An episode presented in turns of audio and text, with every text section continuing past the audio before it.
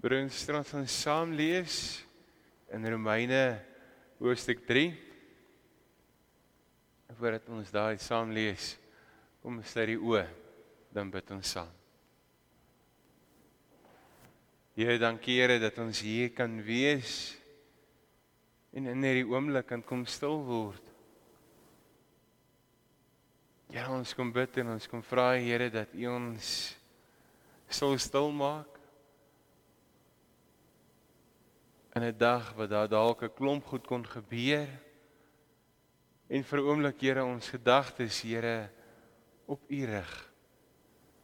Ons kom vra Here hier waar ons saam is breek die woord vir ons oop. Ons kom vra dit Here in U naam. Amen.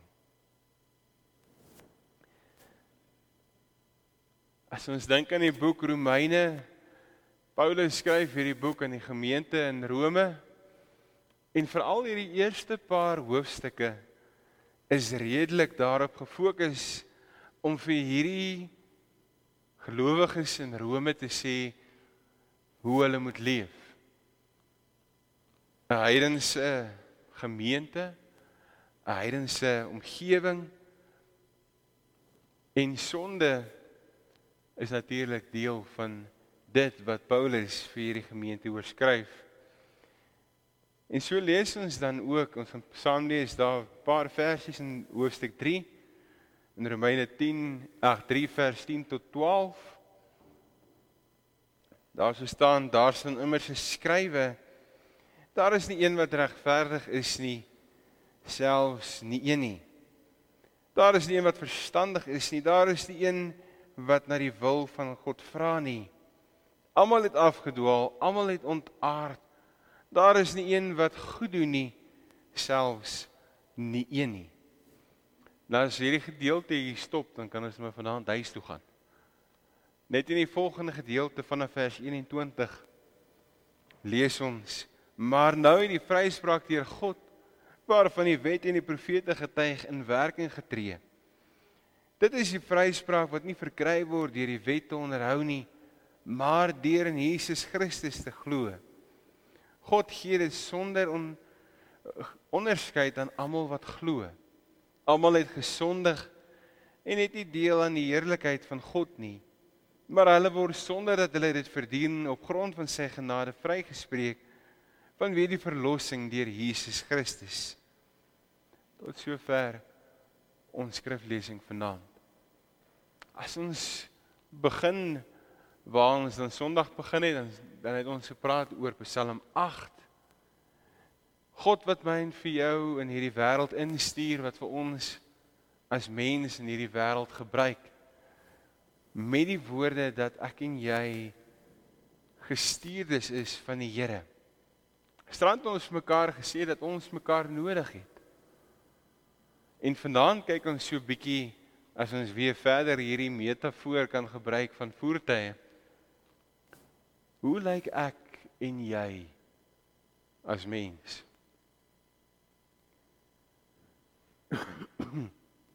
As hy. As ons dit vir mekaar vra, dan begin ons en ons kyk so op 'n afstand. As ons dink aan onsself, dan dink ons aan hierdie mooi nuwe bakkie sportkar, noem dit wat jy wil, die een waarvan jy hou. En soos wat ons nader beweeg aan die spieël wat voor ons staan, sien ons hierdie mooi nuwe bakkie is eintlik nie so mooi nuut nie. Hy's maar vol krappe. Hy's vol skrape. Hy's vol duike. En as jy so op die verf begin vat, dan dop dit af. Onder is roes. Die kar wil nie staar deel waarskynlik nie en eintlik is daar een ding wat oorbly. Ekskuus. Eintlik is daar een ding wat oorbly. En dit is die skrootwerf vir hierdie kar. Ek en jy as mens. En as ons na hierdie gedeelte kyk, kan ons baie maklik net daar stop. Ons kan baie maklik net by vers 12 stop wat vir my en vir jou sê almal het afgedwaal, almal het ontaard, daar is nie een wat goed doen nie, selfs nie een nie. Die genade van bo lees ons dan juis hoe die Here kom intree. Hoe die Here vir my en vir jou kom wys maar daar's soveel meer. Daar's soveel meer moontlikhede, daar's soveel meer goed wat hy vir my en vir jou kom gee, sy genade. Hy wat my en jou kom nuut maak, hy wat as te ware hierdie stikkende kar wat nie wil werk nie, kom heel maak. En in die gedeelte wat ons lees, sien ons God wat sy geregtigheid in Christus aan my en jou kom openbaar. En hy doen dit deur Jesus as offer te stuur So wat ons al baie keer gehoor het op die berg Golgotha waar hy ter wille van my en van jou sterf. En so lees ons dan in 23 en 24 almal het gesondig en is ver van God af en daarom het niemand enige rede om op homself trots te wees nie. Ons verdien eintlik die dood. Op grond van sy genade word ons vrygespreek vanweë die verlossing deur Jesus Christus. Aan die een kant is God se genade vir ons op Golgotha juis iets wat vir ons terselfdertyd aan die een kant kom bekendstel aan wie God is. Dit is vir my en vir jou juis om te sien dat God genadig is, dat God sy liefde vir my en vir jou kom gee. Terselfdertyd is dit ook 'n oproep vir my en vir jou om volgens daai en met die genade wat hy vir my en vir jou gee te leef. En te besef maar eintlik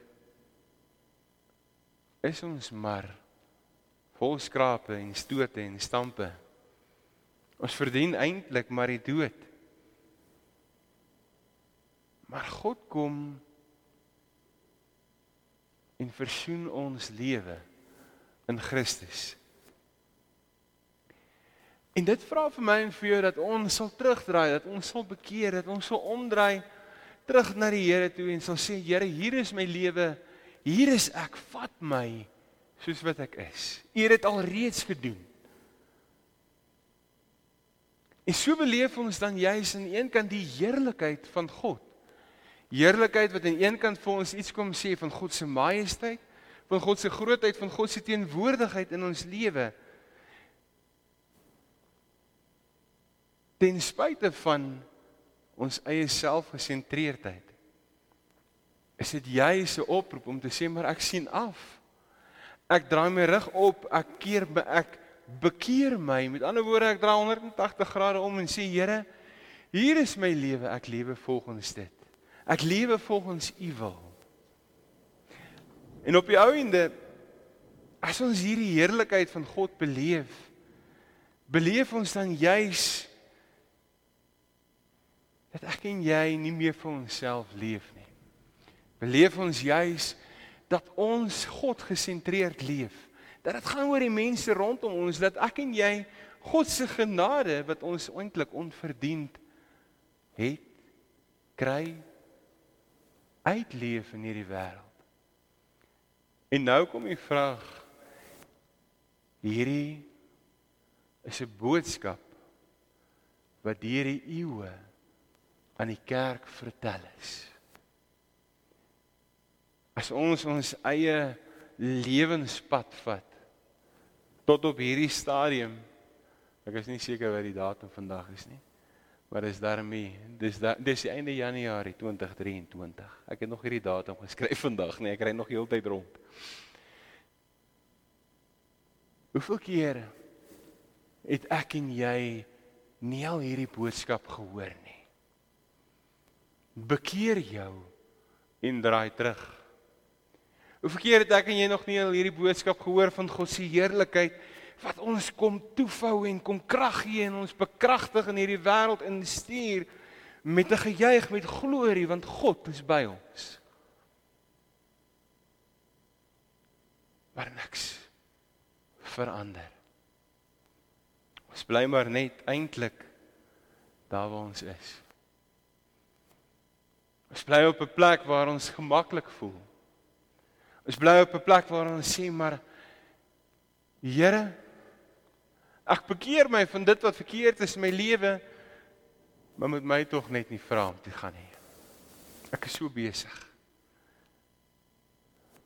Moet my tog net nie vra om te vertel nie. Ek het tog net nie tyd nie. Moet my tog net nie vra om uit my gemaksone te beweeg nie. Want Here, dis te veel. Hierdie gedeelte kom sê vir my en vir jou dat eintlik ons in 'n diepe afhanklikheid van God leef. Sonder die Here, sonder God in ons lewe, eindig dit by vers 12 wat sê daar is selfs nie een nie. Daar is nie een wat goed doen nie. Almal het afgedwaal. Ons verdien die dood. Dit is wat dit beteken. Maar omdat God in ons lewe teenwoordig is, is dit juis die teenoorgestelde. Is dit juis die oproep om te leef met 'n nuwe hart, met 'n nuwe vuur, met nuwe krag, want God is by ons. En broer en suster, as ons dink aan hierdie gemeente waarvan ons deel is, as ons dink aan hierdie dorp waarvan ons deel is, is ons bereid is ons bereid om as mense wat God se grootheid, God se majesteit besef en beleef in ons eie lewe. Is ons bereid om dit te gaan uitleef? En die padwaardigheid kan padvaardigheid ook wees.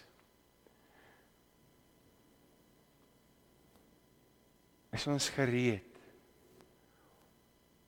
om op te klim, in te klim, ons kant te bring vir dit wat God vir my en van jou vra. Ons weet almal hoe lyk ons in die spieël. Ons weet almal wat is ons persoonlike krisisse. Dit wat ons mee sukkel. Die Here kom sê vir my en vir jou dat sy genade, sy liefde en sy hoop vir my en vir jou genoeg is. Mag ek en jy volhard. Ek gaan afsluit. Ek gaan 'n paar oomblikke gee vir stil gebed. Ek dink kom ons bid vanaand vir ons gemeente. Vir die individue wat wel kerk toe kom, maar ook vir die wat nie is nie. Dat die Here my en jou sal gebruik om by hierdie persone uit te kom. Ek gee 'n paar oomblikke vir stil gebed.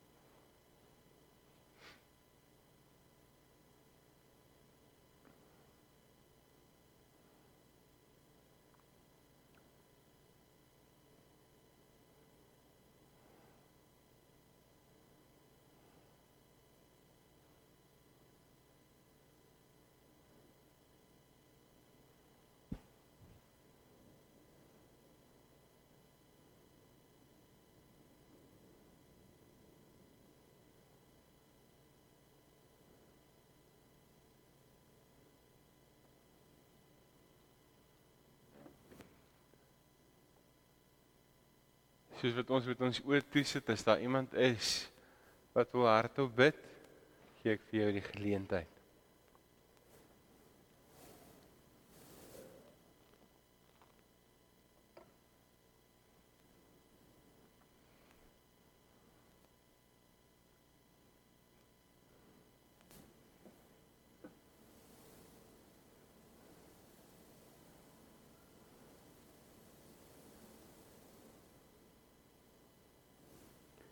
Here, ons kom dankie, Here, vir die groot genade.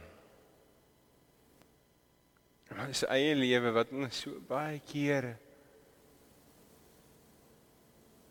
onopsigtelik verbyloop. Kom dankie Here vir die liefde en die hoop wat ons so van selfsprekend aanvaar. Dat ons net altyd die donkerte rondom ons raak sien.